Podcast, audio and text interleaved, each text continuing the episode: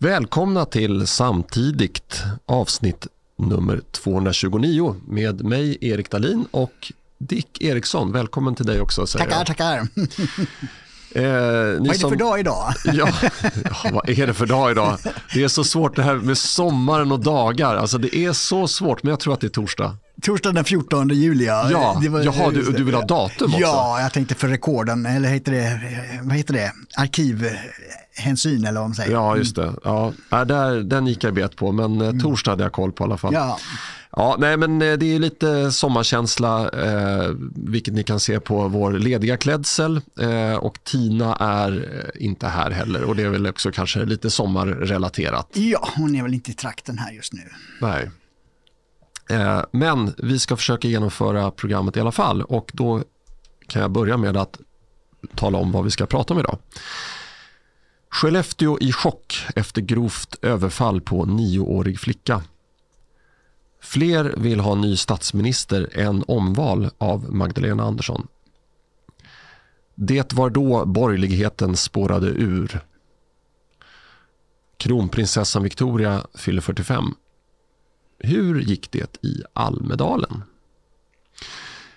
Ja.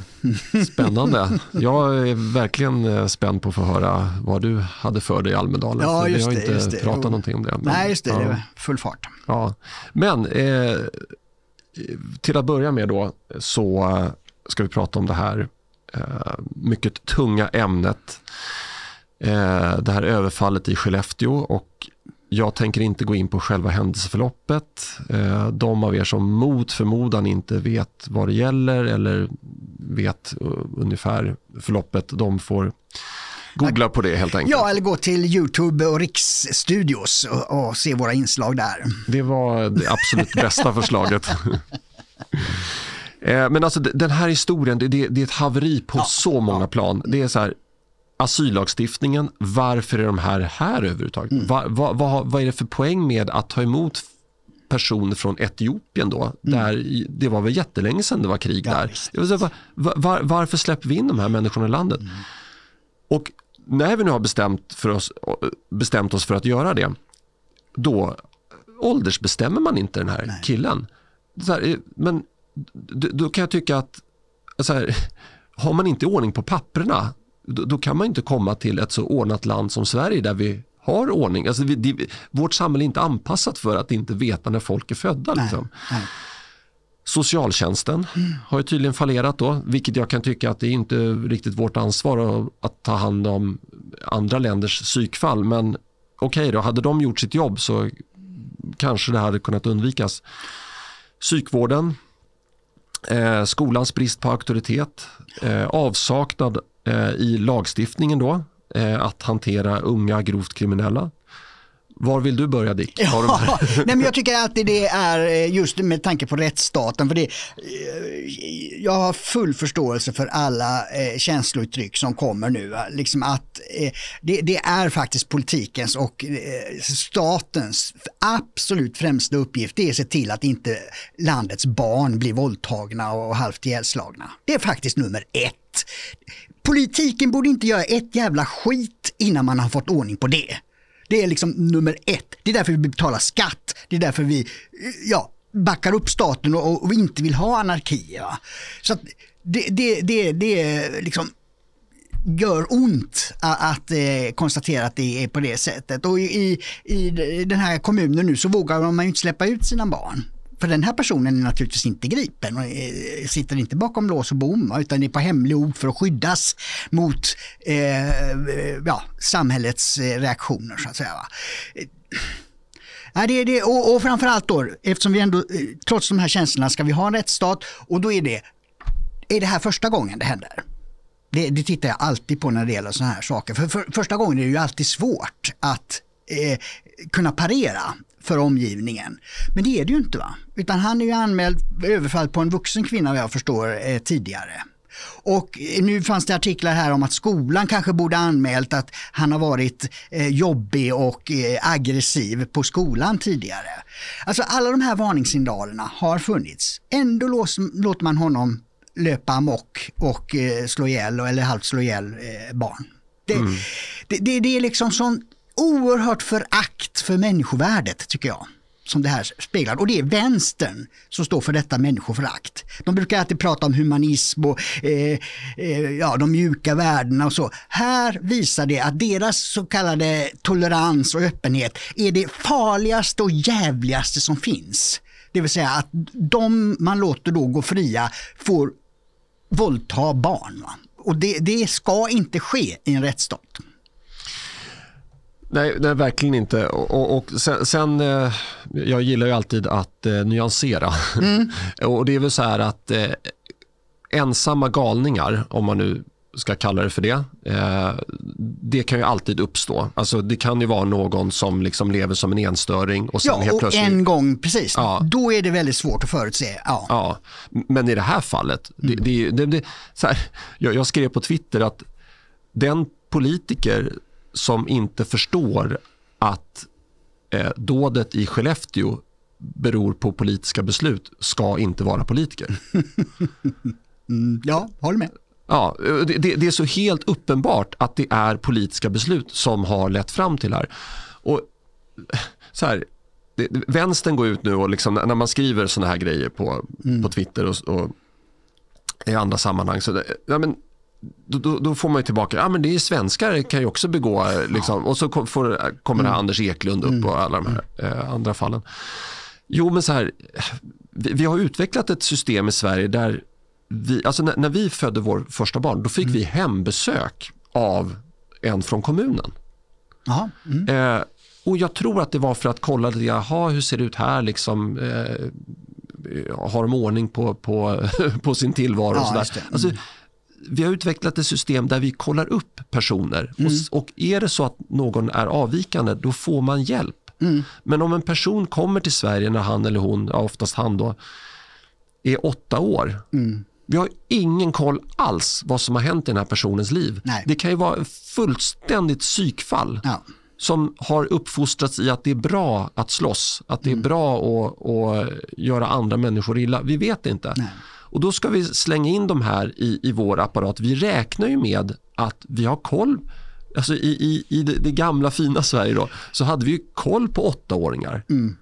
Men om, vi, det är omöjligt för oss att ha det. Och, och de här personerna tar ju också resurser då. Så att till mm. slut, vi, det, vi, vi, släpper in människor i Sverige utan att kolla överhuvudtaget vad de har för eh, nu ska jag säga track record, men ja, vad de har för, för historik. ja. alltså. Mm. Eh, och då blir det så här, det är ju, eh, jag menar, skulle, skulle man ha en, eh, en invandring där man liksom krävde papper på att, att man är psykiskt frisk, man är eh, ostraffad och så vidare. Jag menar, då skulle det se helt annorlunda ut. Men när man, när man tar in folk och det enda kravet man har mm. är att de har skyddsskäl. Ja, då får man in en, ja. en palett. Du kommer få in jättefina mm. människor. Mm. Du kommer få in bra fotbollsspelare, du kommer få in mm. eh, kreativa entreprenörer. Men du kommer också få in den här Etiopien mm. som våldförde sig på den nioåriga flickan. Mm. Det är ju sunt förnuft Ja precis, det är ju det. Nej, men, eh, jag sitter och tänker på vad han, eh, det, det fanns en socialdemokratisk migrationsminister i Göran Perssons regering eh, mm, eh, med skägg och han, han kallar Bush Texasgubben. Eh, och, och, och, ja, fan att den. Men han, han, sa det just när det kommer eh, det här med olika skäl. Eh, och han fick en fråga på ett seminarium. Var, varför kommer det så många som söker asyl nu? Eh, då? För att på, fram till 60-talet då var det ju arbetskraftsinvandring som kom. Alltså folk som behövdes i industrin och så vidare. Och så, ja, det beror på vad det står på dörren där man, som, som man öppnar in i landet. Och står det asyl där eh, och den dörren är öppen, och då går man den vägen. Alltså, så krass är ju verkligheten. Och när Sverige då med sin eh, eh, humanistiska stormaktsidéer får för sig att man ska rädda hela världen, då, då kommer ju hela världen. Och framförallt kommer naturligtvis de som har, inte har ett ordnad eh, tillvaro i hemlandet. Det är alltså, det är alltså absolut sämsta socialgrupp som, som kommer till Sverige i de här länderna. Det är därför det är analfabeter och kriminella och, och, och galningar. Det, det, är de som kommer till Sverige när det står asyl. Och det är sju av åtta partier står fortfarande för att värna asylrätten. Det är fortfarande dominans i Sverige, i riksdagen och överallt, för att släppa in den här typen av människor. Så det, det, är viktigt inför valet att man tänker över eh, vad man vill. Va? Det finns fortfarande bara, även om för alla andra partier försöker nu låta som Sverigedemokraterna, men de menar inte ett skit med det. Inte ett skit. Dagen efter valet kommer man avfärda allt man har sagt under valrörelsen och gå tillbaka till det gamla vanliga. Det, för det, det, där sitter så djupt den här vänsterretoriken. Det finns bara ett parti som inte menar eh, att asylrätten ska upprätthållas och det är Sverigedemokraterna. Jag la ut i Samtiden igår här en, en intervju till fyra mellan Jimmie Åkesson och eh, Anders Ygeman om det här med eh, de här eh, eh punktprogrammen som Sverigedemokraterna tog fram efter eh, korankravallerna. Och då sa man ju också att, att, att familjer eh, ska kunna utvisas. De som inte har ordning på sina barn och inte liksom assimileras ska inte vara här, sa Åkesson.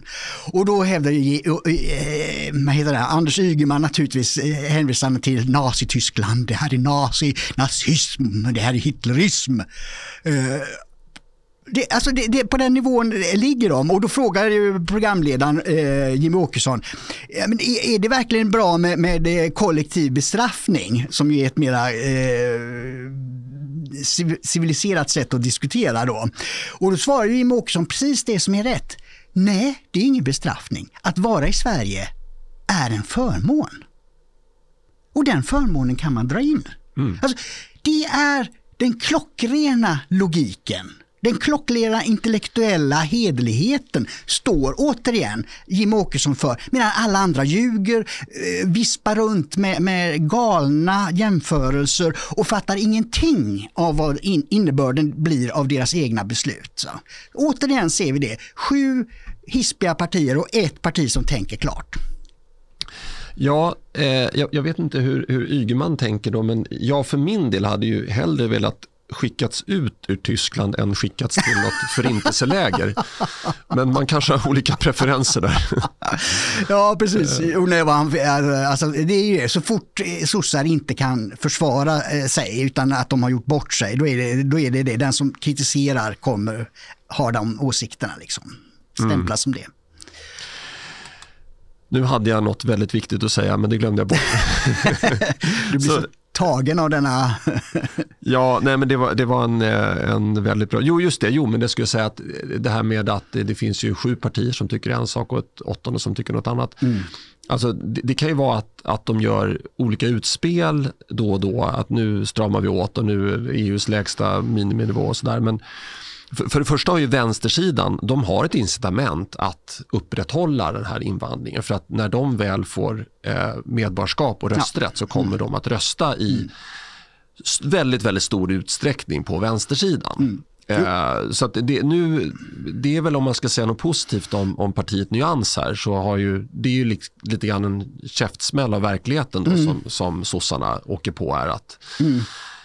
De kanske då inser att eh, det finns eh, andra partier som är ännu mer gynnsamma för den här väljarkategorin. Ja. Ehm, men det jag skulle säga också att det, det de har gemensamt, det, det vänstern har gemensamt med de här högersidan, exklusive då Sverigedemokraterna, det är ju att även KD och troligtvis ja, ja. även Moderaterna ja. vill ju ha ett mångkulturellt samhälle. Eh, och det, det, till exempel, det var ju eh, så sent som bara för ett par år sedan, det var i början av pandemin som eh, Ebba Busch eh, skrev att, på Twitter att hon skulle fira Kristi himmelsfärd. och passade även på att önska alla Eid Mubarak. Mm, och det, det är så här, men vad, vad, menar hon med det? Ja, men det är samma sak som den här Mikael Yüksel gör när han lägger ut på Twitter att åh vad fint att eh, massa muslimer firar eh, Eid och så var det någon mm. annan eh, högtid. De, de vill ju i grund och botten samma sak. De vill ha ett mångkulturellt Sverige. Ja. Ja, att islam ska ta plats i, i, i Sverige och med, i, med det Eh, är det ju det första steget att bygga så många moskéer som möjligt. Sen är det bönutrop och sen är det eh, slöjor på kvinnor.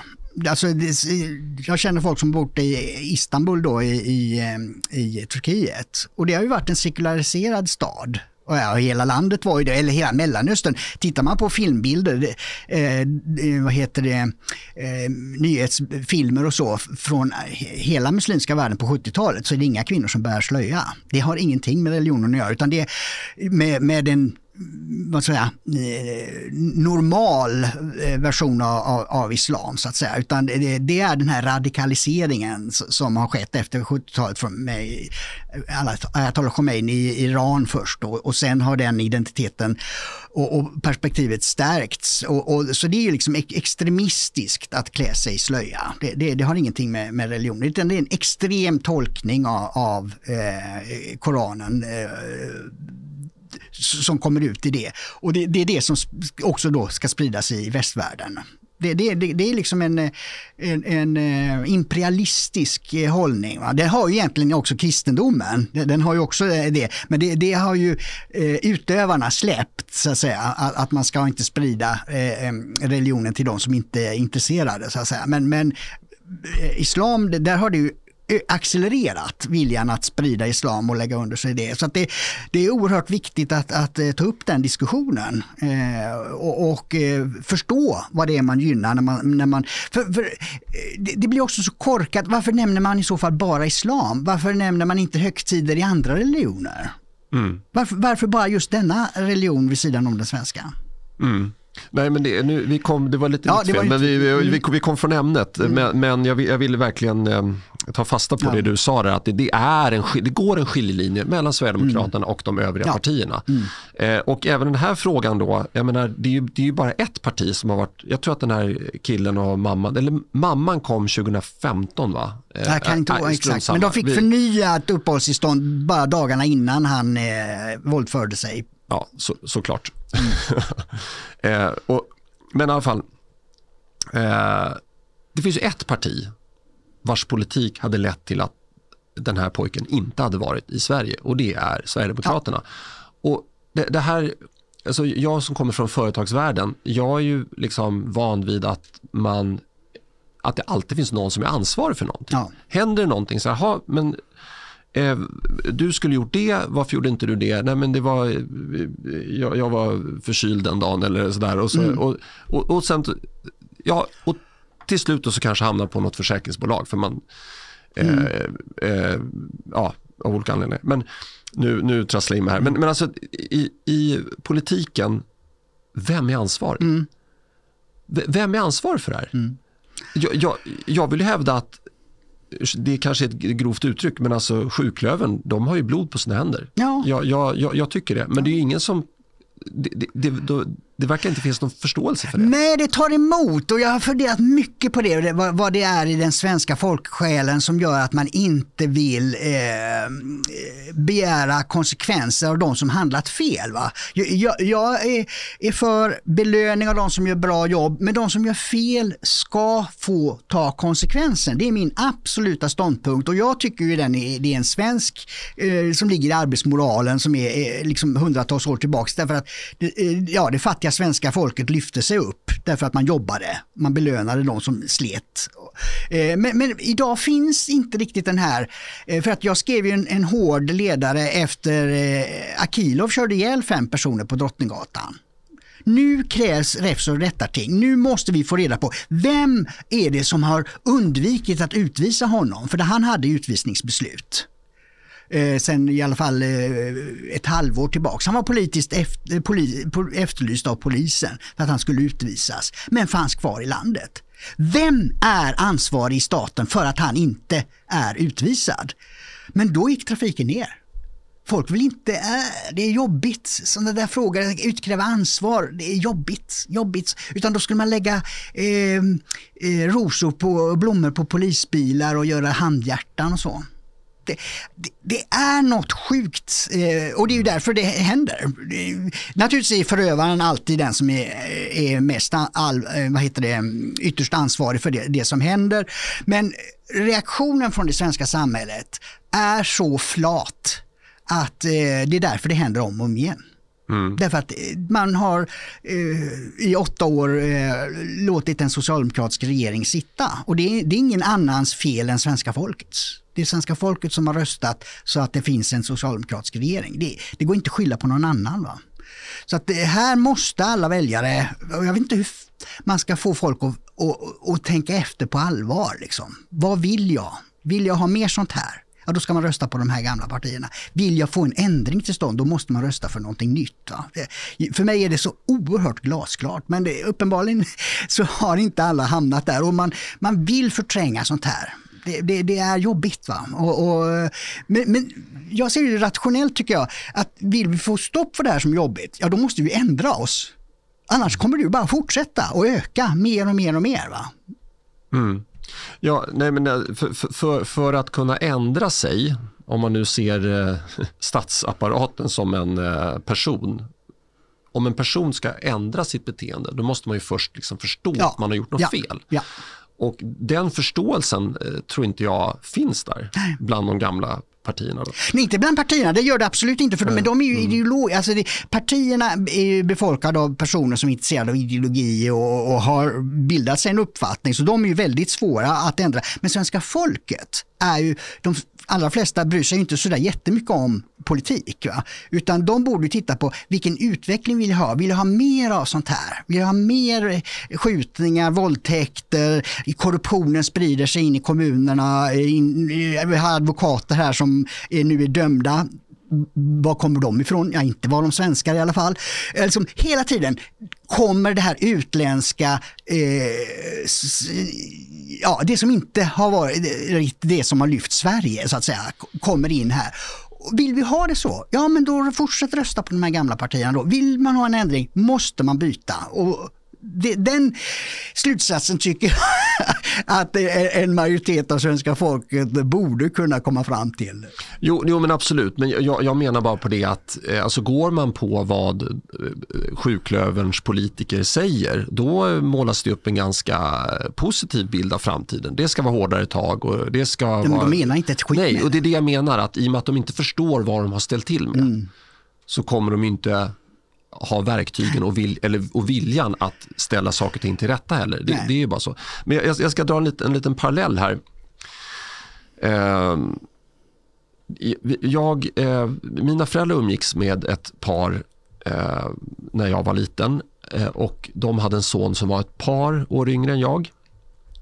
Eh, och när han föddes så fick han, liksom många andra barn, eh, en blodtransfusion vid födseln. Jag vet inte var, man, jag tror man tog blodprov för att kolla att allting var bra och sen ersatte man det med annat blod. Och det här blodet var HIV-smittat. Mm -hmm. Det här var i början av 80-talet. Ja, ja. Och eh, det var ju en enorm tragedi då. Eh, den här killen dog ju, han, de sa till honom att till föräldrarna att ja, han kommer förmodligen inte bli äldre än 10 år. Jag tror han blev 12 år eller sånt där. Ja, det var ju faktiskt flera eh, blödarsjuka barn Eh, som blev smittade då under den perioden. Ju, för de behövde ja. ju då transfusioner. Det kanske var det som... Ja, ja eh, enligt vad jag... Det, jag var ju så liten då när det hände men, mm. men vad jag förstod så var det eh, en, en, en, ren rutinåtgärd helt ja. enkelt. Mm. Eh, och eh, det gjordes en dokumentär om den här pojken, mm. Jakob hette han, som, som eh, sändes på Sveriges Television. Och ehm, vi tappade lite, mina föräldrar tappade kontakt med föräldrarna. Det, det var ju, det här förstörde ju liksom, eh, ja. deras liv. Liksom, så, eh, men då i alla fall, det jag skulle komma till, det var att jag tror att det var Bengt Westerberg som på den tiden var alltså då på 90-talet var sjukvårdsminister. Ja, socialminister var han social, då i Bildtregeringen ja. 91 till 94. Ja. ja, och han på något sätt skrev ett brev eh, och agerade och bad om ursäkt å statens ja, sida. Just det. Ja, men det kommer jag ihåg. Ja, mm. ja för det här. Eh, och då, då kan man ändå förklara någonting att ja, det var, vi gjorde det här för barnets bästa med den här rutinkontrollen med blodprovet och, och det här med HIV, det var så nytt, vi, hade, mm. vi kunde liksom inte, alltså man har en förklaring. Ja. Jag skulle vilja se att eh, Magdalena Andersson skrev till den här nioåriga flickans föräldrar. Ja. På samma sätt Eh, vi gjorde det här för att eh, vi vill hjälpa etiopier att få ett bättre liv i Sverige. Eh, vi trodde att den här killen var en snäll kille. Alltså, ja. jag, jag, vill bara skriv det här mm. jävla brevet och mm. titta föräldrarna i ögonen. Ja. Ja. Eller avgå. Mm tycker jag. Mm. Jo, efter, efter man har gjort det så borde ju den logiska konsekvensen vara det att man eh, ja, avgår, eller i alla fall ändrar sin politiska hållning. Det, Men, men det gör ju inte sådana på den nivån. Nej, men vem, vem ber om ursäkt för det som har hänt? Alltså, vem, alltså, det, det, det, det är så ansiktslöst. Ja, ja absolut. Det, det, är det. Och det, vi måste tillbaks, och det gäller inte bara detta utan det gäller ju allting. Vi måste tillbaks till, till att man har ansvar. Eh, alltså, jag, kommer alltid att tänka på Ingvar Kamprad hade ett sommarprogram, det är också rätt länge sedan. Då. Eh, och han sa, jag förstår inte det här med teamwork, han pratar ju småländska då. Liksom. Eh, jag delar alltid ut ansvar till en person. Sen får den personen naturligtvis engagera hur många eh, han eller hon vill för att lösa uppgiften så att säga. Men det är den personen jag har givit ansvaret som ska komma tillbaka till mig och rapportera vad som har hänt. Alltså, så enkelt, så självklart. Men mm. det fungerar inte någonstans längre i, i, offentlig sektor. Utan man skyller på varandra och det ska vara samverkan och det ska vara allt möjligt för att komma undan eget ansvar. Och så fort det händer något, alla springer och gömmer sig. Mm. Ja, Eh, ja, det var, vi, vi, byter, vi byter ämne, ja. men vi, vi, håller oss kvar vid Magdalena Andersson. Som jag just det, just det precis, här. exakt. För det är nämligen så att fler vill ha ny statsminister än omval av Magdalena Andersson. Eh, och du skrev ja. en artikel om det här. Ja, precis. Och vi gjorde ett, ett inslag i Riks också om det. Eh, och I Riksinslaget blir det det. 63 procent eh, av svenska folket vill inte ha Magdalena Andersson som statsminister efter valet. Och detta var, det är lite, för att jag blir irriterad på, det, det är nämligen Ipsos som gjort en mätning för Dagens Nyheter och Dagens Nyheter slog upp detta som att detta var ett stort stöd för Magdalena Andersson att 37 procent svarar att de vill se Magdalena Andersson som statsminister efter valet. Och, och tänk på det, nu, frågan här nu är ju väldigt konkret. Vill du ha, vem vill du ha som statsminister efter valet?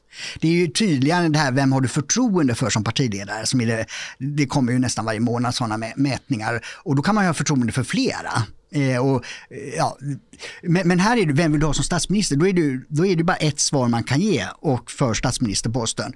Och att hon bara får 37 procent tycker jag är skitdåligt för en sittande statsminister. I USA anses det ju vara en oerhörd förmån att vara sittande statsminister när man går in, president. eller president som de har, när man går inför ett val. Va? Eh, för att man har ju hela, eh, vad, vad, är det man säger, man är, har ju pulpeten så att säga in, in, inför hela media. Allt man säger måste medierna granska eller rapportera om och skriva om och så vidare. Så att man har ju en oerhörd fördel eh, av att eh, vara i regeringsmaktsställning inför ett val. Eh, men hon har bara 37 procent. Och, och eh, Ulf Kristersson har 22 och eh, Jimmie Jimmy Åkesson 12 procent och så de andra har eh, lägre ensiffriga tal då som stöd. Så att de två har ju tillsammans lika mycket som hon har och de har ju inte varit statsminister någon gång. Och eh, skulle bli statsminister i en helt ny typ av regering som aldrig har prövats. Så att jag tycker det var skitdåligt resultat för Magdalena Andersson att, att bara 37 procent säger att de vill ha henne som statsminister. Mm. Ja, men jag eh, hörde också en analys av det här resultatet. Jag, tror, eh, nu, nu, kanske jag blandar ihop eh, undersökningarna här. Men, ja, det är lätt Ja, precis. Men det, jag vet inte om, det var en del av den här undersökningen eller om, eller om det var en annan undersökning. Men det visade sig då att Miljöpartiet är ju extremt impo, impopulära. Alltså i den här undersökningen, vem man vill se som statsminister. Ja, det fick de noll då båda två. Ja. Noll. Mm. Ja. Och, och då är det så här, eh, om Miljöpartiet inte kommer in i riksdagen, då har Magdalena Andersson stora problem med att bilda regering. Det, mm. det bygger helt och hållet på att Liberalerna inte kommer in kan man ju säga. Och, eh, för det första. Ja, ja, ja, i alla fall att Miljöpartiet inte kommer in är ju bra för henne, eller är dåligt för henne. Ja, ja precis. Mm. Så att, men, men kommer Miljöpartiet in, ja då måste hon ju bilda regering med deras stöd. Och det är så här, samtidigt som väljarna då ändå tycker att Magdalena Andersson är den eh, mest populära statsministerkandidaten. Eh, men det är ju bara för att man har, som du var inne på, mm. delat upp stödet på, de, de som tycker Jimmy är bra, mm. de, de, tycker väl förmodligen att eh, Ulf är helt okej okay. och mm. de som tycker att Ulf är bra tycker väl förmodligen att Jimmy kanske är bättre alternativ än Magdalena Andersson, skulle mm. jag tro. Ja. Eh, så det, man ska ju addera de två. Mm. Men, men i alla fall, okej, okay, Magdalena Andersson, hon vann det här, den här, om, eller den här eh, sympatiundersökningen. Men hon ska ju göra det med stöd av partier och personer som inte är vattenvärda. Mm. Alltså det, det, är som att blanda champagne och avloppsvatten. Liksom det, är så här, det, blir ju inte en god dryck ändå. Nej. Nej, och det är ju en anledning till att mm. sossarna kan ljuga hur mycket som helst i den här valrörelsen. Och kommer att göra det också. Ljuga så att det, de storknar. Därför att de vet ju det, att om de skulle få en majoritet så kan de alltid skylla just på Vänsterpartiet, Centerpartiet, Miljöpartiet. Nej men vi kunde inte göra de här skärpningarna eftersom de partierna, vi kompromissar ju med de partierna, man får inte igenom allt det man föreslår. Alltså, så det här kommer att bli den mest lögnaktiga valrörelse vi någonsin har sett. Va? Socialdemokraterna kommer att utnyttja det maximalt, att ljuga folket rakt upp i ansiktet och sen skylla på de här eh, stödpartierna för att man inte genomför det. För man har aldrig velat egentligen. Mm. Nej, och det, jag tror ju att, äh, återigen min analys här om Liberalerna, äh, det, det, är ju egentligen det enda parti som en, en om, om, om man som socialdemokratisk väljare avskyr Miljöpartiet med, mm. med, med, med all rätt mm. och vill att Miljöpartiet ska få så lite inflytande som möjligt, mm. då ska man inte rösta på Socialdemokraterna. Nej, nej. För att då riskerar man ju. Ja visst, ja, det är deras politik som kommer in. Vi kommer in på det på Almedalen. Det, det, det, det, det enda som hände där var ju egentligen att eh, Magdalena Anderssons stödpartier eh, gaskar upp sig och kräver mer och mer. Ja. Eh, nej men och sen eh, Annie Lööf och, och Nooshi Dadgostar eh, de var inte heller så populära. De fick väl 3 ja. procent någonting. Ja. ja. Mm. Eh, så att det är... Precis, tillsammans får ju de... Annie Lööf och Nooshi fick tillsammans hälften av det stöd som Åkesson fick ja, i det här vem som mm. man vill se som statsminister. Så det, det visar hur otroligt impopulära Magdalena Anderssons samarbetspartners är. Så hon står ju där och det, jag, jag gick igenom siffrorna för nu i våras eh, och tittade historiskt eh, vilket stöd som Socialdemokraterna tagit hjälp av. Det är några gånger som de har haft egen majoritet. Ja. Men sen har de ju haft eh, passivt stöd av Vänsterpartiet. Ja, det är det vanligaste. Ja. Mm. Men alla andra gånger så har de ju tagit hjälp av Centerpartiet och Miljöpartiet. Mm. Och om Miljöpartiet nu åker ur Alltså det är så här, min, min poäng är att man tror att Socialdemokraterna är, ja det går så bra för dem. Men det är för att de har kommit från historiskt katastrofala siffror mm. till historiskt dåliga siffror. Ja. Och när de historiskt sett har fått dåliga siffror, mm. då har de inte regerat landet. Nej, Nej så är det ju precis eftersom de varit så... Så, så, så, så varför ska de regera landet nu? Mm. Nej, nej, men nej, och det har ju nu eh, hela, eh, eller de flera av de senaste valen så är det ju en markant eh, icke-socialistisk majoritet i riksdagen. Men det är ju det att de är, de är skickliga maktspelare. De, de hit, letar hela tiden efter hur man kan slå split på motståndarsidan. Och här har man lyckats, eh, efter valet 2018 lyckas man ju dra loss Centern och Liberalerna. Då. Och man har fortfarande kvar greppet om Centerpartiet då. Och, och, och det gör ju det att det, det, man försvagar motståndarsidan. Det, det, det är det deras maktstrategi går ut på. För då kan man fortsätta regera själv. Mm. Eh, vill du Nej, det, det är väl ungefär där vi ligger. Det, och man kan väl bara säga det att det, det, alla sådana här mätningar, allting, så är det väldigt jämnt. Alltså man ska inte, de här mätningarna omfattar ett tusen tillfrågade i den storleksordningen. Alltså det det, det, är stora felmarginaler. Så att det är väldigt jämnt i alla typer av mätningar. Partisympatier, eh, förtroendesiffror på partiledarna eller den här då, vem vill du ha som statsminister? Om man väger samman det så är det väldigt jämnt. Så att det är valrörelsen som kommer att avgöra vilken sida som vinner. Mm. Ja, eh, ämne nummer tre då. Det var då borgerligheten spårade ur. Ja, precis. Det var eh, den, den, artikel i Samtiden som fått mest den senaste veckan. Och där refererar jag då till en sommarföljetong som Vidar Andersson, socialdemokraten, eh, har, har, haft i sin tidning Folkbladet. Och då har han ägnat sig åt att läsa en 11 år gammal antologi om, som heter, um, vad var det nu den hette för någonting, eh, Den nya borgerligheten.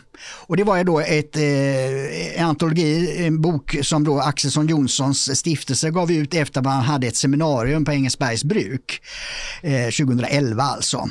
Eh, och jag var faktiskt där, jag, jag, jag, tittade, för den finns ju eh, på Access TV också då. Och så, ja, jag, jag satt där faktiskt, jag var, jag var med. och lyssnar. Och det är, det är ju så märkligt, alltså eh, när man sitter där så förstår man inte riktigt vilken historisk eh, betydelse eh, det, det, man är med om kommer att ha. För man vet ju inte då vad som kommer att hända sen. Va? Men, men eh, Vidar Andersson menar att det var här eh, borgerligheten började bryta samman var eh, eh, detta seminarium och det man gjorde då. Det vill säga Mikael Artursson från Centerpartiet pratar om hur, hur ska vi skapa, göra Sverige nybyggarland för afrikaner, eh, ja, eh, människor från andra delar av världen. Och eh, därför att då 2010-2011, då hade man ju vunnit eh, omval då. Fredrik Reinfeldt satt kvar som statsminister och eh, borgerligheten hade brutit den socialdemokratiska hegemonin, vilket är en av de avsnitt Vidar Andersson skriver om och eh, citerar statsvetaren Svante Nordin då, att nu är socialdemokratins hegemoni bruten. Och det håller Vidar Andersson med, men han skriver då samtidigt, men samtidigt bröt ju borgerligheten ihop. För att det här smög sig in då den här fria invandringen. Och eh, det skriver inte Vidar Andersson, men min eh, reflektion är att det, det, jag inte visste då när jag satt där var ju att eh, Fredrik Reinfeldt gjorde upp med Miljöpartiet och det kom ju senare då eh, 2011 med Miljöpartiet om migrationspolitiken. Och det var ju i stort sett öppna gränser och, och det var fri eh, välfärd för alla och, och, och, fri skola och allting. Det bara, bara störta in och det var ju också permanent uppehållstillstånd från bör, första dagen. Så att säga. Så att det var ju en enorm fördel att komma, komma till Sverige från hela världen. Och varför gjorde då Reinfeldt det? Jo, om man tittar nu, ja men det var nog en maktstrategisk slutsats från hans sida då. Om sossarna är, försöker bryta, eh, splittra motståndarna så försökte Reinfeldt flytta över Miljöpartiet så att det skulle bli ett femte alliansparti. Så tror jag att han tänkte. Eftersom just Centern redan var inne på det här med öppna gränser och Liberalerna har ju också varit väldigt eh, generösa med att ge bort Sverige.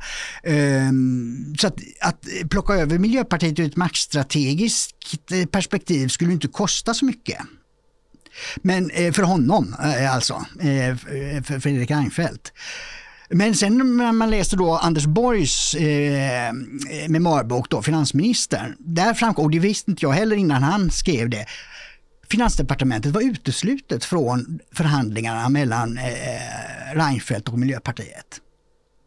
Därför att Reinfeldt ville inte veta hur mycket det kostade. Han ville inte veta. Och Finansdepartementet skulle inte få räkna på det. För det skulle inte komma ut några siffror om hur dyrt det skulle bli. Och det, kom, det var med hans memoarbok som det blev klargjort. Att eh, Reinfeldt dessutom då eh, var beredd att betala hur mycket eh, som helst för att då få över Miljöpartiet och därmed eh, på kort sikt slippa ha stöd av Sverigedemokraterna för att Sverigedemokraterna blev ju vågmästare då. Men det kunde ju då eh, Reinfeldt neutralisera genom att eh, göra som Miljöpartiet ville. Och det är ju det Moderaterna fortfarande gör i Stockholms stad, eh, Västra Götalandsregionen eh, Stockholmsregionen, i, de stora församlingarna är det fortfarande den strategin som gäller. Att man ger efter för Miljöpartiet för att sitta på posterna. Nu, nu, ska jag anföra en, en, teori här som kan bli fullständigt banbrytande. Jaha, att, nu, nu, vill jag att alla lyssnare spetsar öronen. Nej, men så här, eh, jag sprang på häromveckan eh, en eh, misstänkt narcissist i min umgängeskrets. Ja. Så jag, jag googlade då på kännetecken. Mm. Och eh, då är ett av kännetecknen är att man har väldigt svårt att byta ståndpunkt och man försvarar sin ståndpunkt till, till liksom sista blodsdroppen. Mm. Eh, och, och, det här kan ju vara ett problem då om för det första så här, om man, om man Det blir... låter mer som envis. Men... ja, precis, men det, det, är en av många ja, punkter. Alltså man, mm, man, eh, man tror ju väldigt stort om sig själv. Ja, ja, jo, jo det gör man ju. Mm. Och, och, då kan man ju tänka så här, om man ska bli politiker, eh, då kan det ju vara så att man tror väldigt gott om sig själv. Och, alltså det, det, det, man har ju pratat med det här eh, om att det finns mycket psykopater inom eh, näringslivet och så. För att ja, men man kanske måste vara lite skruvad för att liksom slå sig fram mm. i en tuff miljö. Och det kanske är samma sak inom politiken. Men eh, det, det, kanske är inom politiken, det är också en förtroendebransch. Det kanske inte är lika lätt att vara psykopat där, gå under radarn för man är granskad av media på ett helt annat sätt än man är liksom inom en organisation. Men, men, men vi, vi leker med tanken att, att vi har en överrepresentation av narcissister på... Eh, ja, det, så tror jag det är. Ja. Och då har de låst in sig i en uppfattning att nej men, Moderaterna, vi vi ska samarbeta med Miljöpartiet, vi ska inte samarbeta med Sverigedemokraterna. Ja. Och gör, alltså det sista de överger är den uppfattningen. De kan, som narcissist kan de inte ödmjukt säga vi hade fel, förlåt. Mm, det är möjligt. Ja. Mm. Och, och eh, det, nu, nu är det här helt taget ur luften såklart, men, men det är ändå en tanke. Jag menar, för, hur många människor har vi lämnat över vår makt till? Mm. Alltså hur många är det som bestämmer i Stockholms stad egentligen? Mm. Är det fem personer inom Moderaterna eller är det 50 eller 500? Eh, jag tror att ta Centerpartiet, Annie Lööf. Mm. Alltså tänk om det hade varit en person som hade dragit Centerpartiet åt det andra hållet. Mm då hade ju hela partiet följt efter. Ja, ja. Alltså, det är en handfull. Mm. Kan det vara så att Sveriges öde vilar i händerna på en handfull narcissister? Ja, precis. Men, men jag är demokrat och jag vill hoppas att eh, väljarna eh, ser sånt och eh, är det då narcissister som inte kan ta in verkligheten utan går på galna utopier som man har fastnat för, då ska väljarna välja bort sådana partier eh, som har sådana företrädare. Det, det, det, det, det är min uppfattning. Däremot om det är narcissister som eh, ändå fångar, för det, jag tolkar det inte som en, en narcissist som envishet, utan det är ju narcissisten är ju att den vill alltid vara på topp. Och då kan ju man ju bli extra eh, vad säger man, eh, pragmatisk och följa sista modets nyck så att säga för att alltid vara eh, först och störst och vackrast på det nya. Liksom.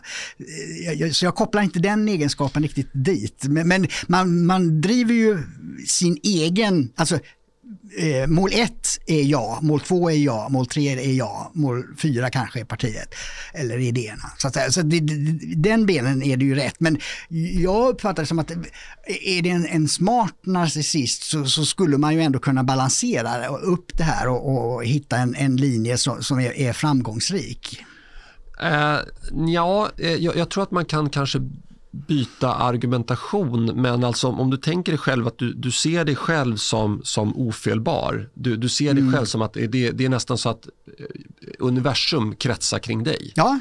Mm. Eh, och så säger folk att men du har fel. Mm. Alltså den här personen, eh, om det är en riktigt, riktigt, riktigt kraftig narcissist, eh, om man säger så. En kanske ganska korkad narcissist, för det, det, narcissism har ju ingenting med begåvningsnivå att göra.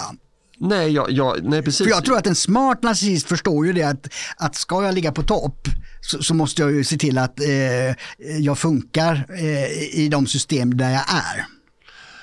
Uh, ja, men, men jag tror det, du kanske det låter som att vi är hobby, hobbypsykologer här, men, ja, det. men eh, det, det, kan nog mer kanske vara eh, lite psykopati. Att man säger, nej men jag har aldrig tyckt att massinvandring har varit bra. Mm. Alltså det är nog mer så här, man, ja, det, man liksom, ja. men en narcissist, är liksom, en narcissist är ofelbar. Ja, ja okej, okay, det kanske eh, och, och, jag eh, glider över i den diagnosen. Ja, ja och, och då har man ju de här lägena att, eh, alltså varför envisas Moderaterna att samarbeta med Miljöpartiet i kommun efter kommun mm. fortfarande? Mm. Jag, jag, kan inte tolka det som annat än att det, det sitter folk som helt enkelt inte vågar erkänna, inte, inte har förmågan att erkänna att de har haft fel. Ja, men det kan vara eh, värre än så, för att eh, som sagt eh, psykologi är vi inga experter på, men jag har läst Mia Berglöfs Berglövs memoarbok. Hon var alltså talskrivare åt Fredrik Reinfeldt i åtta år som statsminister. Alltså Sveriges statsministers talskrivare i åtta år. Det är en ganska tung position. I hennes eh, memoarbok på 300 sidor finns inte en idé. Det finns inte en politisk värdering. Det är bara Sverigedemokraterna är dumma, vi är goda. Punkt. Det finns ingen värdering, ingen samhällsanalys, ingen, liksom att det finns goda idéer och goda idéer står ofta mot varandra. Och man måste prioritera, väga av, eh, bedöma vad är rätt i den här situationen. Inte ett smack av den typen av tanke. Däremot skryter hon med att hon lipade för eh, lärarna i skolan för att få bättre betyg. Ja, det, alltså, eh, Vad är det för människor vi har i politiken? ja, men det, det, det vore väldigt intressant att, att ta reda på det. Jag, jag säger inte att varken, eh, hon heter Moa Berglöf? Mm. Eh, jag säger varken att hon eller Annie Lööf är eh, narcissister. Nej, det ska vi men, inte säga. men. Vi kan ta Men, men det vore väldigt intressant om de gick till en psykolog och testade. Jag skulle verkligen vilja ta del av det resultatet. Eh, men, men, det, men det är ju så här, varför, om man nu anser att man är ofelbar och man ser sig själv som eh, eh, vad ska jag säga, något av, av Gud, en Guds gåva till mänskligheten. Varför ska man då bemöda sig med att argumentera för sin ståndpunkt? I- i- Det är onödigt. Det är bara att säga som det. Sverigedemokraterna är nazister och, Ja, eh, Mm. ja, och vi är de goda, Ja. så ni ska rösta på oss. Ja. Alltså det är... Nej, det är så lågt, det är så platt och det är så antiintellektuellt eh, det som sker. Och tyvärr så sker ju, eh, för att ta Linus gamla roll här, tyvärr så sker ju ett samspel med medierna. Medierna ställer inte makten till ansvar längre utan medierna hjälper makten granska folket och hur dumma de är eh, eftersom de röstar fel. Va? Eh, det, för det är ju så, det finns ju bara en enda eh, institution som eh, har påverkats av den utveckling som vi nämnde i, i, i vårt första ämne här. Och det är ju svenska folket genom val. Det är eh, nästan 20 procent eh, sverigedemokrater i, i beslutande församlingar. Det finns det inte någon annanstans överhuvudtaget. Och det är därför att svenska folket har röstat in dem. Och därför anser ju medier och andra att svenska folket har fel. Och därför bevakar man, granskar man svenska folket och vilket hot de utgör. Hot mot demokratin säger man ju dessutom, liksom. som om det är eliten eh, som försvarar demokratin och folket är hotet mot det. Medan demokrati betyder ju folkstyre. Vilket man ju då har fått helt om bakfoten. Eh, men alltså, vad var det jag skulle komma med det här, det kommer jag inte ihåg nu. Nej, men med, med media. Eh, Ja, just det, media, precis. För att om medierna hade varit mer och eh, granskat mera och granskat makten, det vill säga Socialdemokraterna som har makten, då hade de kanske inte varit eh, vid den goda vigör de trots allt är när de ligger på 30 procent. Eh, för då hade man avslöjat alla de här, och det vi var inne på också, men varför har ni inte gjort något? Det här, eh, bara för att ta en sån här enkel sak, passköerna. Hur kan regeringen ha låtit det här ske? Arlanda säkerhetskontroll, också statlig verksamhet. Hur har ni kunnat låta det här ske? Hade man haft en, en aktiv mediekår, journalistkår som granskar makten åt folket, då hade ju det varit en mycket större press på de här ministrarna som är, som är ansvariga. Men nu kommer de undan genom att säga att ni är nazister, ni som har, eh, säger emot oss. Mm. Nej, men jag, jag tror att det är en effekt av eh, människans flockbeteende. Alltså, och det är så här, ur ren eh, evolutionär synvinkel så har det ju varit då och då väldigt lyckosamt att liksom följa en ledare. Det kanske en ledaren kanske är en narci- narcissist då. Så Jag har rätt, ja, det här brinner jag för och ni andra, ni har fel. Jesus. Nej, jag tänkte på Napoleon. Tänkte jag på. För det går ju inte, det går inte eh, har man den, eh, den där otvetydiga uppfattningen då går det ju fel förr eller senare. Man kan ha rätt många gånger men förr eller senare om man har den där väldigt eh, eh, enkelspåriga analysen så går ju fel någon gång. Ja, och alltså vad ska jag säga, det, det finns ju en företagsledare i USA som ska placera människor på Mars. Liksom. Och eh, jag menar, han åtnjuter ju fullt förtroende eh, hos eh, så gott som alla ända tills dess att han misslyckas. Mm, ja.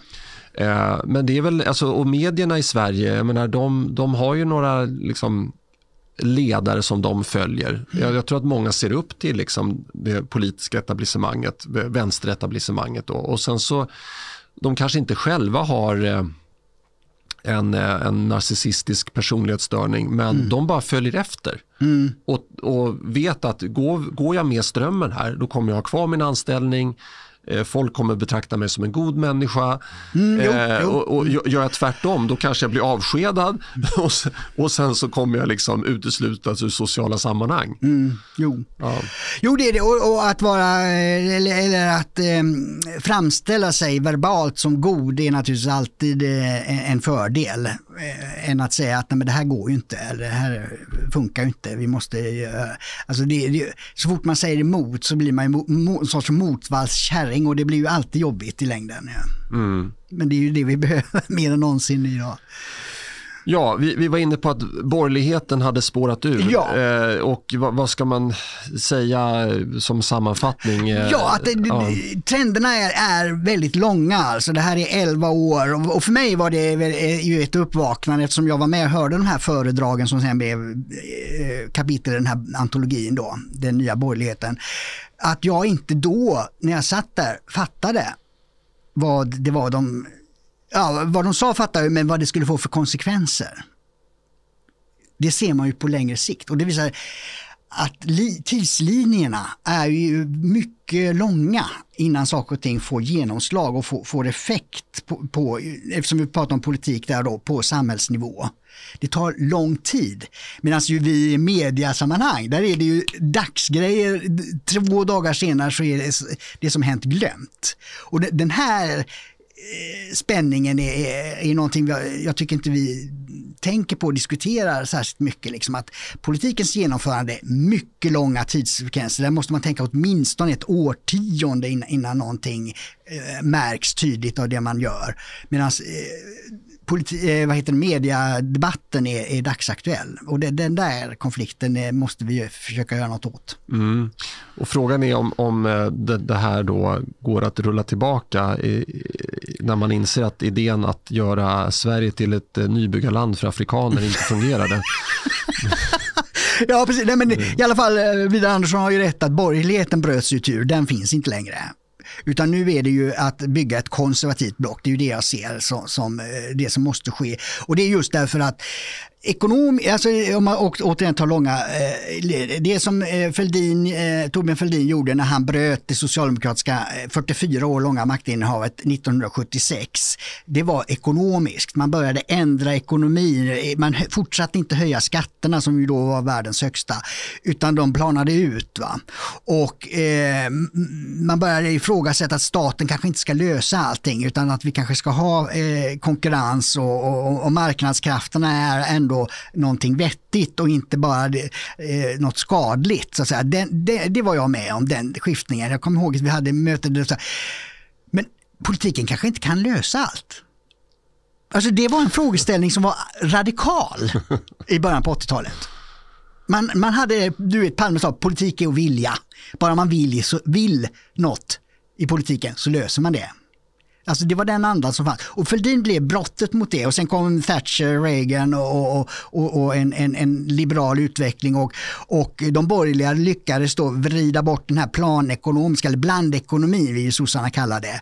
Att vi ska ha marknad, vi ska låta företagen verka, det är det som ger välstånd. Sen kan vi skatta välståndet och göra den offentliga välfärd vi, vi vill ha, så att säga. men vi måste låta eh, näringslivet eh, agera och, och fungera agera eh, eh, så fritt som möjligt utan massa regleringar. Det var ju Marcus eh, Wallenberg, det finns ju dokumenterat, var ju uppe hos Gunnar Sträng som finansminister för att få loss investeringsmiljarder i företagens egna bokföring. De var ju låsta. Pengarna var låsta och krävde liksom finansministerns godkännande att man investerade. Och då kunde han säga, ja den investeringen gillar vi, den vill vi inte ha av företagens egna pengar. Alltså Sverige var halvsocialistiskt. Eh, och det där gjorde Torbjörn Fälldin och de borgerliga upp med under 80-90-talen. Eh, då, eh, och, och det, därför klarar vi till exempel finanskrisen 2008 klarar vi ju med galant eh, jämfört med alla andra länder. Därför att vi hade tagit bort den här skadliga regleringen som, som fortfarande finns runt om i Europa. Eh, så där lyckades borgerligheten att, att frigöra ekonomin. Men nu handlar det om moral, synen på vilka människor som ska vara i landet, eh, den här, ehm, eh, vad heter det, ehm, samhällskontraktet, liksom, vad är statens uppgift gentemot medborgarna? Hur ska relationen se ut? Vad, vad ska vi göra? Det är liksom konservativa, när man ifrågasätter den här socialistiska utvecklingen, när man ifrågasätter den, då måste man ha konservativa eh, grunddrag för att klara av det. Liberaler klarar inte det. De hamnar alltid hos, eh, eh, sociali i socialisternas knä, för man vill ju gott. Och liberal, när det gäller de delarna, fri, mänsklig frihet och så där, då glider man runt. Va? Eh, och liberaler har ju alltid så svårt att, att utkräva ansvar. Och då, då, måste man ha, så jag vill se en konservativt grunddrag i en, i en kommande regering som just återupprättar det. För folkhemmet, som ju då i och för sig genomfördes av Socialdemokraterna Per Albin Hansson, det var ju en konservativ eh, eh, berättelse, idéberättelse och syn på samhället. Att vi är, vi är ett samhälle som ska hålla samman och därför ska vi hjälpa de som är svaga men vi måste också se till att, att eh, näringsliv och ekonomi fungerar. Mm. Nej, men, eh, som ett avslut på, på punkten då, alltså att borgerligheten spårar ur. Eh, kan, kan någon människa förklara för mig vad massinvandring har med borgerlighet att göra? Nej, det går inte. Alltså, ba, bara den tanken eh, gör ju att hela eh, borgerligheten spårar ur. Eh, så, så, att, men jag tror... Eh, mm. Varför blev det så? Eh, jag tror, eh, alltså jag har ju varit väldigt politisk, politiskt intresserad även om jag inte varit aktiv eh, särskilt länge och så. Men min tolkning är att borgerligheten fick så mycket skit för att så, så fort de liksom sa det minsta att nu eh, har vi tagit in lite för mycket. Då blev de, alltså de blev överösta av eh, sina politiska motståndare men även eh, media såklart att det var rasistiskt och det var det ena med det tredje. Och nu i år är det då eh, 20 år sedan eh, valstugureportaget. Ja, mm. Och det här är, man brukar tala om en fjärils vingslag. alltså, det kan vara gnistan.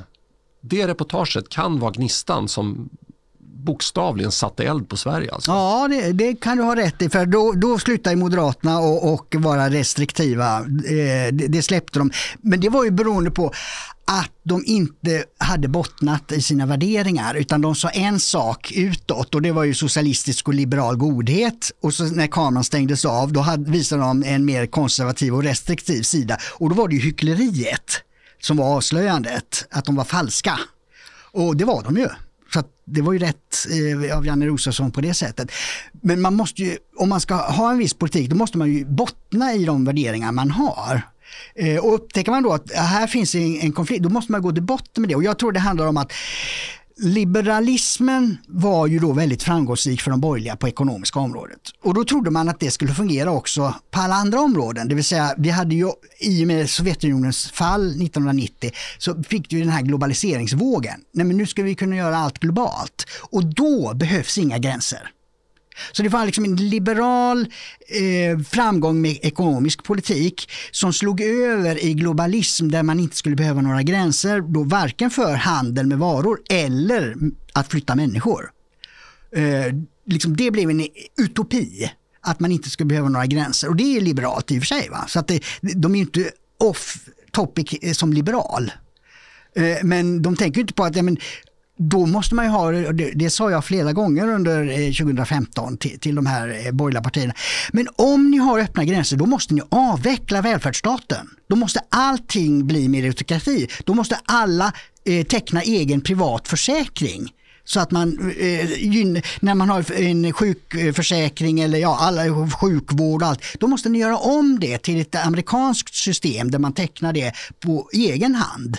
Eh, då kan ni ha öppna gränser. Men ni kan inte ha liksom 50 i skatt och sen låta hela världen komma och, och plocka ur den, stats, eh, den statskassa man tar med de pengarna. Det går ju inte. Logiskt sett är det ju självklart, det går inte. Nej, kommer någon förslag själv, sa, sa någon av de här talespersonerna för migrationen. Ja, välj, sa jag. Välj. Antingen stänger ni gränserna och bevarar välfärdsstaten eller har ni öppna gränser och då avvecklar ni Försäkringskassan och alla de här systemen. Då kan ni ha öppna gränser. Nej, det kan vi ju inte göra. Och det, det visar man bottnar liksom inte. Man bottnar inte i, i vilka värderingar man har och vad de får för konsekvenser. För alla idéer har alltid en positiv och en negativ sida. Och det politik och ideologi handlar om det är att balansera för och nackdelar. Och där kan man ju då tolka eh, vad som är po eh, den positiva sidan kan man ju tolka väldigt positivt och de negativa är inte så farligt och andra gör tvärtom. Eh, och då kommer man fram till vilken slutsats man Men det sker liksom inte utan man, man har bara eh, godhetsknarkat, är ju, tycker jag är ett roligt ord att använda. Liksom. Man bara ser de goda sidorna och blundar för alla negativa sidor och det är att knarka. Ju. Det, mm. det är att, att eh, fullständigt lämna verkligheten. Mm. Nej, men det, det, har ju, det har ju funnits en, en ängslighet inom eh, borgerligheten och högern så länge som jag kan minnas. Mm. Och det är klart att är man ängslig för att man ska uppfattas som eh, elak eh, eh och, och, allt möjligt annat, då, då då kanske man inte liksom vågar föra fram det man verkligen tycker. Och jag, och jag, jag, tror precis som du var inne på här att man sa en sak utåt mm. men tyckte något annat inåt. Eh, och då är man hycklare. Ja, eh, men jag, jag, tror att det var en av Donald Trumps framgångar att han var ju i princip den enda politikern som, som jag kan ge exempel på som stod där och han sa det inte rakt ut men han visade med, med allt annat han sa och med sin framtoning att jag är vit, jag är mm. man, jag är förmögen. Eh, har du något problem med det kan du dra åt mm. dit där pepparn växer. Eh, han, han, stod för den han var, han stod för eh, de åsikter ja. han hade mm. och skämdes inte för det. Men så här, borgerligheten i Sverige, de har ju skämts för att de har varit vita. Mm. Har, och har, har de varit män så har de mm. skämts för det. Mm. De har skämts för att de har velat ta Sveriges intressen tillvara. Eh, och, och, och, och, det, var då, det är då det spårade ur. Ja. Precis. Ja. Precis. Jo, nej, men du, du är helt rätt, det är en annan vinkel på det. Liksom, det är det. Man måste bottna i, i, i sig själv och, och, och eh, klargöra eh, i sina egna tankar vad det är man värdesätter och vad man tycker är viktigt och försöka förstå varför tycker jag detta är viktigt. Liksom. Och, och så sen omsätta det då till, till en eh, politik eh, för en större Eh, ja, för samhället så att säga. Och, och, och, och, det tycker jag väldigt få politiker har gjort. Va? För det är ju väldigt mycket nu när jag eh, är tillhör nu den äldre kategorin. Jag märker att det är liksom så som partiledare håller på idag. Det gjorde ungdomsförbundsordföranden på 80-talet. Och ungdomsförbunden hade eh, varken nu eller då någon makt överhuvudtaget utan de var, levde bara på media eh, genomslag så att säga. De, för de vuxna i riksdagen brydde sig inte så mycket om vad ungdomsförbunden höll på med. Eh, men nu är, är de partiledare, de här som sitter och tror att skriver man ett pressmeddelande så blir det så. Och, och eh, tycker man att det har inga konsekvenser, ja då tror man att det inte har några konsekvenser bara för att man skriver det på ett papper. Alltså det är helt världsfrånvänt. Liksom. Det, det, det finns, jag gillar statsmannaskap, tycker jag är ett väldigt fint ord. Det är det att man förstår att vad man än gör så har det en positiv och en negativ sida. Allt man gör. Och även om man inte gör något så har det också en positiv och negativ sida. Och först när man insett det, då kan man bli en ledare i staten. Och det har nästan ingen av de som är partiledare idag fattat. Nej. Förutom Jimmy Åkesson. Ja, just det. ja, nej men vi, vi äh, lämnar äh, den punkten och äh, för att våra royalister till lyssnare måste ju få sitt. Just det. Kronprinsessan Victoria fyller nämligen 45 år. 45 år idag, ja. Det är otroligt ju att, att Eh, Eh, hon har kommit, eh, jag, jag, har fortfarande bilden på näthinnan av, av, av, de där tre barnen på eh, Haga. Liksom, att, att det är, är små barn och, och, hur man gjorde om konstitution, eller successionsordning heter det ju då. För att eh, Victoria föddes ju först och sen Carl Philip. Och det, så som successionsordningen såg ut då så var det Carl Philip föddes till kronprins och skulle bli eh, Karl XVI Gustavs efterträdare. Men då grep regeringen in eh, och eh, ja, hela riksdagen utom Vänsterpartiet och ändrade då successionsordningen så det var äldste barnet, inte äldste pojken. Då. Så då blev hon eh, kronprinsessa. Eh, och det är ju helt rimligt kan jag tycka.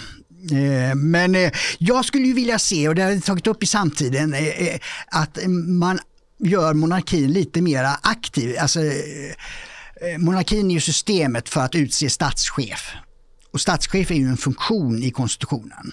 Och jag är för monarki därför att en konstitution behöver kontinuitet vid sidan om de demokratiska valen som sker ju med, med ja, fyra års mellanrum ungefär. Va?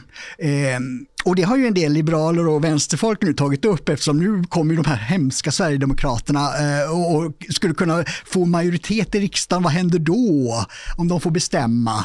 Och så då har man kommit, eh, eh har ju, ja, nu senast var det ju Annie Lööf som ville grundlagsfästa aborträtten och sådär.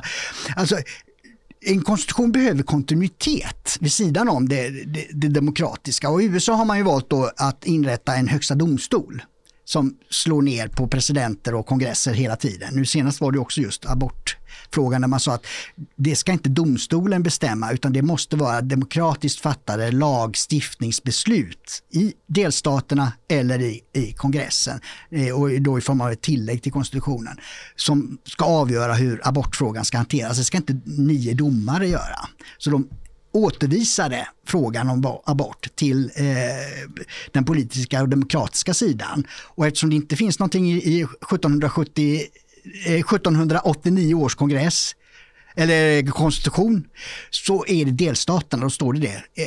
Det som inte regleras i den här eh, konstitutionen avgörs av varje delstat, de 50 delstaterna. Det är därför frågan är återvisad dit. Men man kan också göra tillägg till amerikanska konstitutionen. Då, då ska en eh, kvalificerad majoritet i, i kongressen och av delstaterna godkänna tillägg. Då gäller det federalt över hela landet. Och det är så demokrati går till. Va? Och så domstolen upprätthåller ju att det är politiken och folkstyret som ska avgöra, inte nio domare. Men eftersom de fattar då beslut i fel riktning så att säga, att, att det ger möjlighet att begränsa bort så, så är ju vänstern helt galen då över, över detta. Men det är ett sätt då att, att hantera att Högsta domstolen kan slå ner på alla lag, lagförslag som, eh, som de politiskt valda stiftar. Det är en modell. Den andra är monarki. Det vill säga att man har en, eh, ett system som är helt vid sidan av. Och jag har skrivit om det och det har varit intervjuer om i tysk tv också. Eh, hade Tyskland behållit sitt kejsardöme så hade Hitler aldrig fått den makt han fick. För det var när man avskaffade kejsardömet inrättade presidentämbete och presidenten Hindenburg dog som Hitler kunde ta på sig den rollen. Och så införde man en soldated där, man, där de så, så svor eden till honom, inte till Tyskland. Det hade inte gått om monarkin hade funnits. För han var ju inte son till kejsaren. Kung, eh, eh, den här herr Hitler. Va? Så att eh,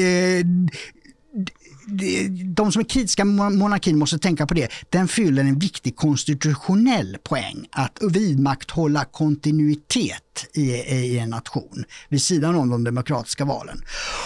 Så att de, de som tycker att det, det behövs eh, borde anamma den, den, konservativa sidan. Och jag har skrivit då, som sagt, eh, till exempel tycker jag att, att eh, nu finns det en nämnd som nominerar eh, eh domare till högsta domst svenska högsta domstolen, alltså justitieråd som de kallas. Eh, och sen så får regeringen avgöra. Det är alltså väldigt politiskt. Det är politiker i regeringen som utser eh, domare i Sverige. Eh, och, och, så klagar man på andra länder i Europa, vilket jag tycker är jävligt hycklande. Eh, nej, säg att den domarnämnden nominerar domare som har kvalifikationer. Eh, jag tror att det, det, är tre namn de ska skicka till, till regeringen och så får regeringen välja ett av dem.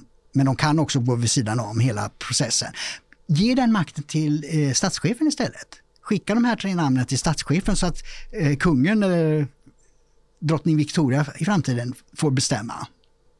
Då har du det, ett system helt vid sidan om det demokratiska. Man kan inte anklaga regeringen eller en viss politisk parti att utse domare. Samma sak med, med, eh, med, med andra eh, former, till exempel det här med, det har varit ett riksdagsbeslut i våras med belöningssystem, det här med ordnar och medaljer och sånt.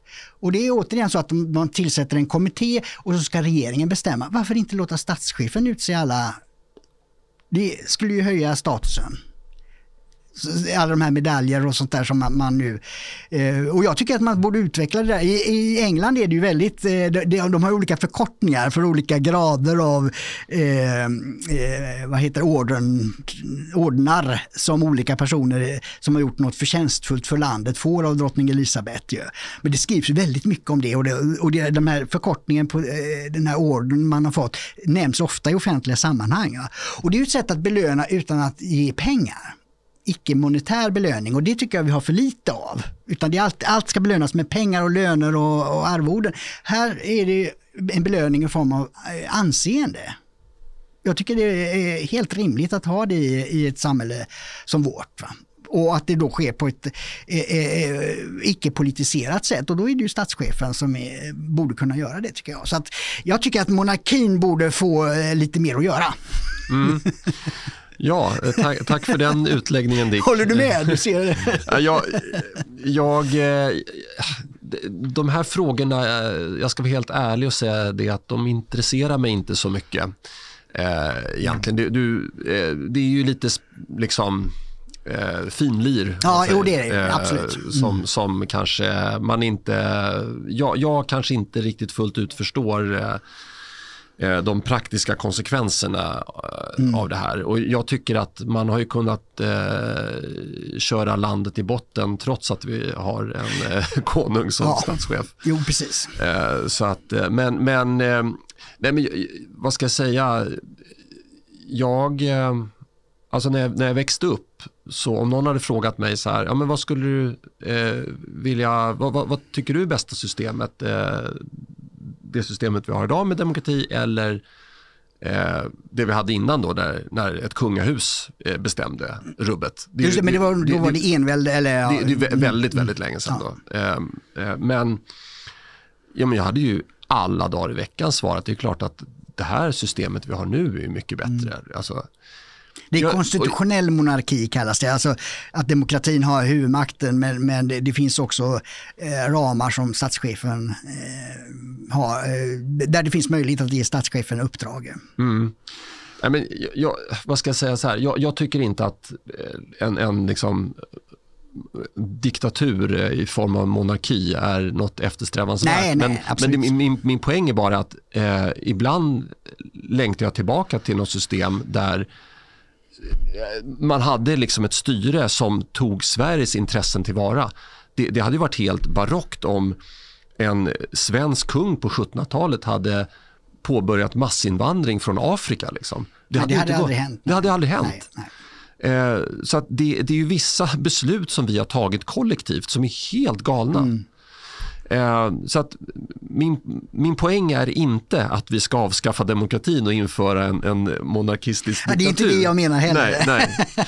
Min, men min poäng är bara så här, det kanske är dags för det demokratiska systemet att visa framfötterna, mm. visa varför mm.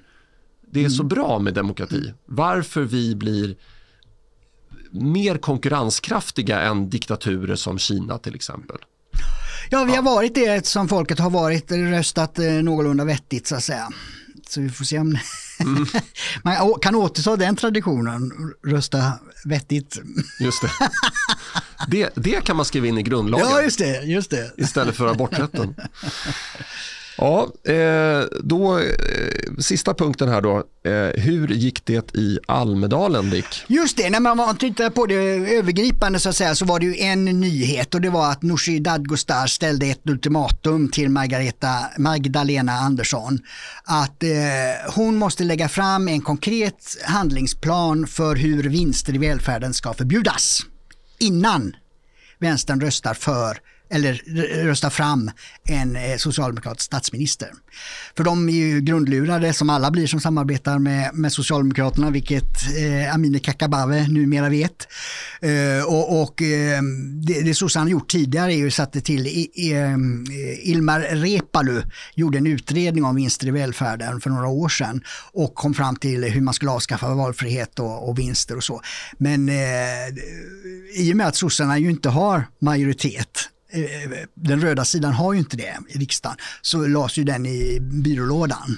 Och det vill ju naturligtvis inte Nooshi Dadgostar ska hända igen, att man ska tillsätta en utredning som sen inte blir av. Så nu eh, är ju metoden att kräva detta, hur det ska gå till innan man röstar för eh, henne som statsminister efter valet, om den, då den röda sidan får majoritet. Mm. Eh, ja, nej men det är eh, blir intressant att se hur de eh, får ihop det. Men jag, jag, jag, vet inte vad jag ska ställa följdfråga här på. Om, jag ska, om vi ska gräva djupare in i friskolefrågan eller i regeringsbildningen. Eh, men jag tycker friskolefrågan, det, det kan vi diske, dissekera vid, vid annat ja, tillfälle. Ja, det kan vi göra. Precis. Um, Nej, du kan ju fråga allmänt hur läget var. ja, ja. och då gör jag det. Hur var läget allmänt? Ja, nej, men alltså för att vara ett, ett valår så, så, så, var det ganska avslaget tycker jag. Det, det, det, nej, det ska jag egentligen inte säga för att det, det var nog mer publik på varje partiledartal än vad det har varit förut. Den här publiken som var nu vid stort sett allas anförande i Almedalen var det kanske vid, vid statsministerns eh, tal, jag kommer ihåg Reinfeldt hade ungefär den. Publiken står rätt tätt och så går det ut i gången bakom eh, i, där i Almedalen. Då, då är det rätt fullt så att säga. Och det hade i stort sett alla partiledare det här året. Och då var det två tal per dag, ett klockan 11 och ett klockan 19. Så att, eh, det har blivit mer koncentration på partiledarna, det som var tanken från början. Eh, jag kommer ihåg första gångerna eh, Almedalen var liksom på 80-90-talet, då var det att eh, det dag, den dag som ett parti hade sin dag där så hade man ett seminarium ofta om ekonomi och ekonomisk politik och så sen hade partiledaren sitt tal på kvällen. That's it. Det var, det var liksom det som var eh, Almedalsveckan. Och sen hade de där lobbyisterna dykt upp efterhand. Och nu var ju det tack och lov färre lobbyister där då. Eh, framförallt gillar jag inte när offentlig sektor åker dit med, med tusentals personer betalda av skattebetalarna och står bara i något tält några timmar och sen festar resten av veckan. Eh, så det, det, på det sättet så var det ju bra att det, det var mindre aktivitet och mer koncentration på partiledartalen. Det kan mm. säga. Och, nej, men det, som sagt, det var ju den nyheten eh, och, och, och, sen är det ju att man markerar sina positioner och eh, Liberalerna blir lite sura på mig för jag kommenterar ju eh, Johan Perssons tal eh, i, i, SVT. Det är ju en, en Eh, sympatisör och en motståndare, eh, ledarskribent som får kommentera SVT efter, talet så att säga. Och då påpekar jag det att, eh, att eh, Johan Persson säger A men inte B. Till exempel så har ju Liberalerna haft utbildningsdepartementet i åtta år men man fick aldrig någon disciplin i skolan. Istället växte det här fram med lågaffektivt bemötande som betyder att man får bara säga till de busiga, nej men ni får inte bråka. Och så går allting ut över de duktiga eleverna eller de som vill lära sig något, de får ta smällen eftersom det är de bråkar som får sätta agendan. Och det, har, det gjorde inte Liberalerna någonting åt. Eh, så att jag tycker att han borde ha varit mer konkret om vad han vill eh, genomföra när det gäller skolpolitik som ju han lyfte upp då som Liberalernas agenda. Eh, och sen bråkar de ju lite grann när det gäller det här med regeringen och hur, hur mycket Sverigedemokraterna ska få ha inflytande och sånt ju. Mm. Jag vill säga det om, jag, det kan ju tolkas det jag sagt om Liberalerna som att jag tycker att det är ett bra parti. Men jag vill bara säga det, Liberalerna som parti är fullständigt irrelevant i politiken i Sverige. Alltså deras hjärtefråga, skolpolitiken, de hade departementet i åtta år som du sa. Mm hände ingenting. De, de, de, de, de är fullkomligt irrelevanta. De har ingenting att komma med. Men de har positionerat sig bra. Mm. Och Det är det som är väldigt tragiskt att landets styre ska avgöras av ifall partierna har positionerat sig mm. rätt i, den här, i det här politiska spelet. Ja.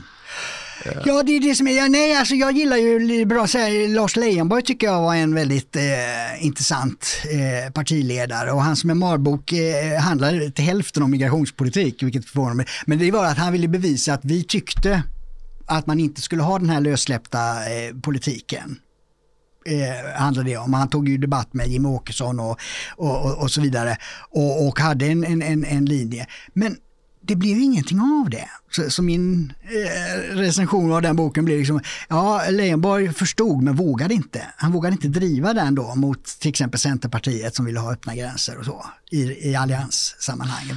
Så att de är, mer en, de är en sorts tankesmedja mera Liberalerna. Alltså det blir inte så mycket verkstad.